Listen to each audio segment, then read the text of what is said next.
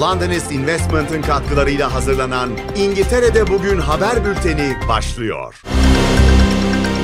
British Yaşam TV'den herkese iyi sabahlar. Bugün 13 Ekim Cuma, ben Ela Sezen. İngiltere'de bugün öne çıkan haberlerle karşınızdayız.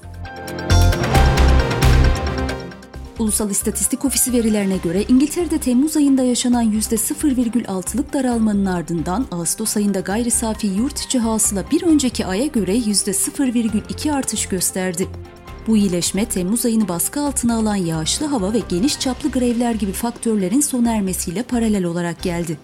Aynı dönemde hizmet sektörü %0,4, imalat sektörü %0,8 büyüme kaydetti. İnşaat sektörü ise %0,5 daraldı. Ekonomistlerin beklentileriyle örtüşen bu veriler borçlanma maliyetlerindeki net artışın gölgesinde ekonominin ivme kaybettiği tezini kuvvetlendiriyor. İngiltere Merkez Bankası'nın faiz oranlarını sabit tutma kararı ise 1980'lerin sonlarından bu yana şahit olunan en agresif faiz arttırım döngüsünün sonlanmış olabileceği spekülasyonlarını alevlendiriyor. Ayrıca gayri safi yurt içi hasıla Ağustos ayında bir önceki yılın aynı dönemine göre %0,5'lik bir artış sergiledi. İngiltere Başbakanı Rishi Sunak, Yahudi toplumunu ve onların yapılarını koruma amacıyla Community Security Trust'a ek olarak 3 milyon pound sağlama sözü verdi.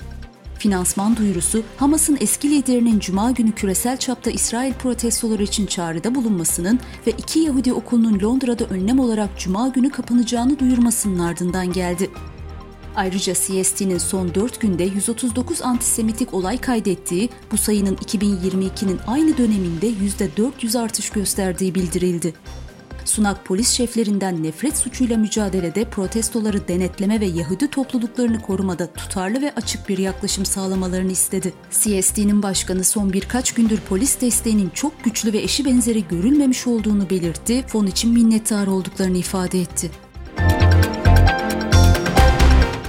İngiliz basınında yer alan haberlere göre İngiltere diplomat ailelerini İsrail'den ihtiyati tedbir olarak geri çekme kararı aldı. İngiltere Dışişleri Bakanlığı sözcüsü Tel Aviv Büyükelçiliği'nin faaliyetlerine devam edeceğini ancak diplomat ailelerine en az iki ay süresince ülkeden ayrılma tavsiyesinde bulunulduğunu belirtti. Tahliye kararı İngiltere'nin daha önce İsrail ve işgal altındaki Filistin toprakları için yayımlanmıştı. Bu karar sadece zorunlu seyahatlerin yapılması yönündeki uyarının bir parçası olarak geldi. Tel Aviv Büyükelçiliği olası durumlar karşısında yardıma muhtaç olanlara konsolosluk hizmeti vermeye devam edecek. Londra'da İsrail Büyükelçiliği önünde gerçekleşen ve en az 5000 kişinin katıldığı Filistin mitinginin ardından Filistin ve İsrail destekçileri arasında çatışmalar yaşandı. High Street Kensington metro istasyonu yakınlarında bir alışveriş merkezinde çıkan olaylarda 3 kişi tutuklandı. Polis olay yerindeki bayrak ve sembollerin suç oluşturmadığını ancak her türlü suç aktivitesine karşı sıfır tolerans politikası uygulayacağını belirtti. Birleşik Krallık Hava Kuvvetleri'ne ait savaş jetleri güvenlik uyarısı sonrası Kenya Airways'e ait bir uçağa Londra Stansted Havalimanı'na kadar eşlik etti. Nairobi'den Londra Heathrow Havalimanı'na giden Kenya Airways'e ait Boeing 787 tipi uçak saat 15.45'te Londra Stansted Havalimanı'na yönlendirildi ve güvenli bir şekilde indi. Uçak Essex polisi eşliğinde uzak bir noktaya yönlendirildi. Uçakta endişe verici bir şey bulunmadığı belirtildi. Bir yolcu sosyal medyada barıştan 45 dakika önce Stansted Havalimanı'na yönlendirildiklerini, indiklerinde çok sayıda polis aracı olduğunu ve silahlı siyah giyimli polisler tarafından kimlik kontrolüne tabi tutulduklarını paylaştı. Olay şu an sivil yetkililerin kontrolü altında. Kısa bir reklam.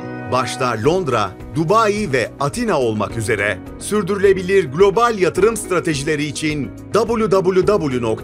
www.londonistinvestments.com web sitesini ziyaret etmeyi unutmayın. Reklam sona erdi. İskoç Ulusal Partisi milletvekili Liza Cameron parti içindeki hoşnutsuzluk ve baskılar sonunda sürpriz bir şekilde partisinden ayrılıp muhafazakar partiye katıldı. Cameron özellikle cinsel taciz olaylarına ve partinin bu tür olayları ele alış biçimine olan tepkisiyle biliniyor. Parti içindeki bir başka eleştiri konusu da Gender Recognition Reform Bill ile ilgili olarak kadın haklarına olan etkisi konusundaki endişelerdi. Cameron parti lideri Hamza Yusuf'a yönelik eleştirilerde bulundu ve duygusal ve profesyonel refahına dair endişelerini aktardı. İskoç Ulusal Partisi bu olayın yanı sıra Angus MacNeil gibi deneyimli politikacıların ayrılığı ve bir dizi milletvekilinin bir daha aday olmama kararıyla da sarsıldı. Parti genel seçimler öncesinde birliği ve istikrarı sağlamak adına ciddi bir mücadele veriyor. Vandallık sonucu iki hafta önce kesilen tarihi Saykamo Gap ağacı Hadrian's duvarına zarar vermişti. 50 fit boyundaki ağaç duvarı korumak ve ziyaretçiler için alanı güvenli hale getirmek amacıyla bir vinç yardımıyla kaldırıldı. 300 yıllık ağaç güvenli bir şekilde saklanmak üzere ismi açıklanmayan bir National Trust mülküne taşınacak. Ancak ağaç parça parça kesilerek taşınacak çünkü gövdenin tamamının taşınması mümkün değil. Ağacın gövdesi yerinde bırakılacak. Koruyucular ağacın yeniden filizlenerek büyümesini umuyor. Ağacın kesilmesine ilişkin başlatılan soruşturmada iki kişi tutuklanmış ancak serbest bırakılmıştı. Ağacın geleceği ve ne yapılacağı konusunda henüz bir karar verilmedi ancak anıt bir bank yapmak ya da gövdenin kesitini sergilemek gibi fikirler ortaya atıldı. National Trust insanların gösterdiği destek ve yardım tekliflerinden dolayı memnuniyetlerini dile getirdi. Megamama'nın sahibi The Restaurant Group özel sermaye firması Apollo tarafından satın alınma sürecine başladı. Apollo TRG'ye yönelik 701 milyon sterlinlik bir teklif sundu ve bu teklif şirketin hisse senedi başına %34'lük bir primi temsil ediyor.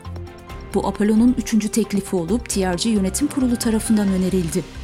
TRG'nin yöneticileri bu nakit alım işleminin şirketin bağımsız stratejisini sürdürmesine kıyasla hissedarlar için daha üstün bir değer sunduğuna inanıyor. Bu durum Londra borsalarının özellikle de özel sermaye firmaları tarafından gerçekleştirilen satın almalar sonucunda popülerliğini kaybetme endişelerini arttırabilir.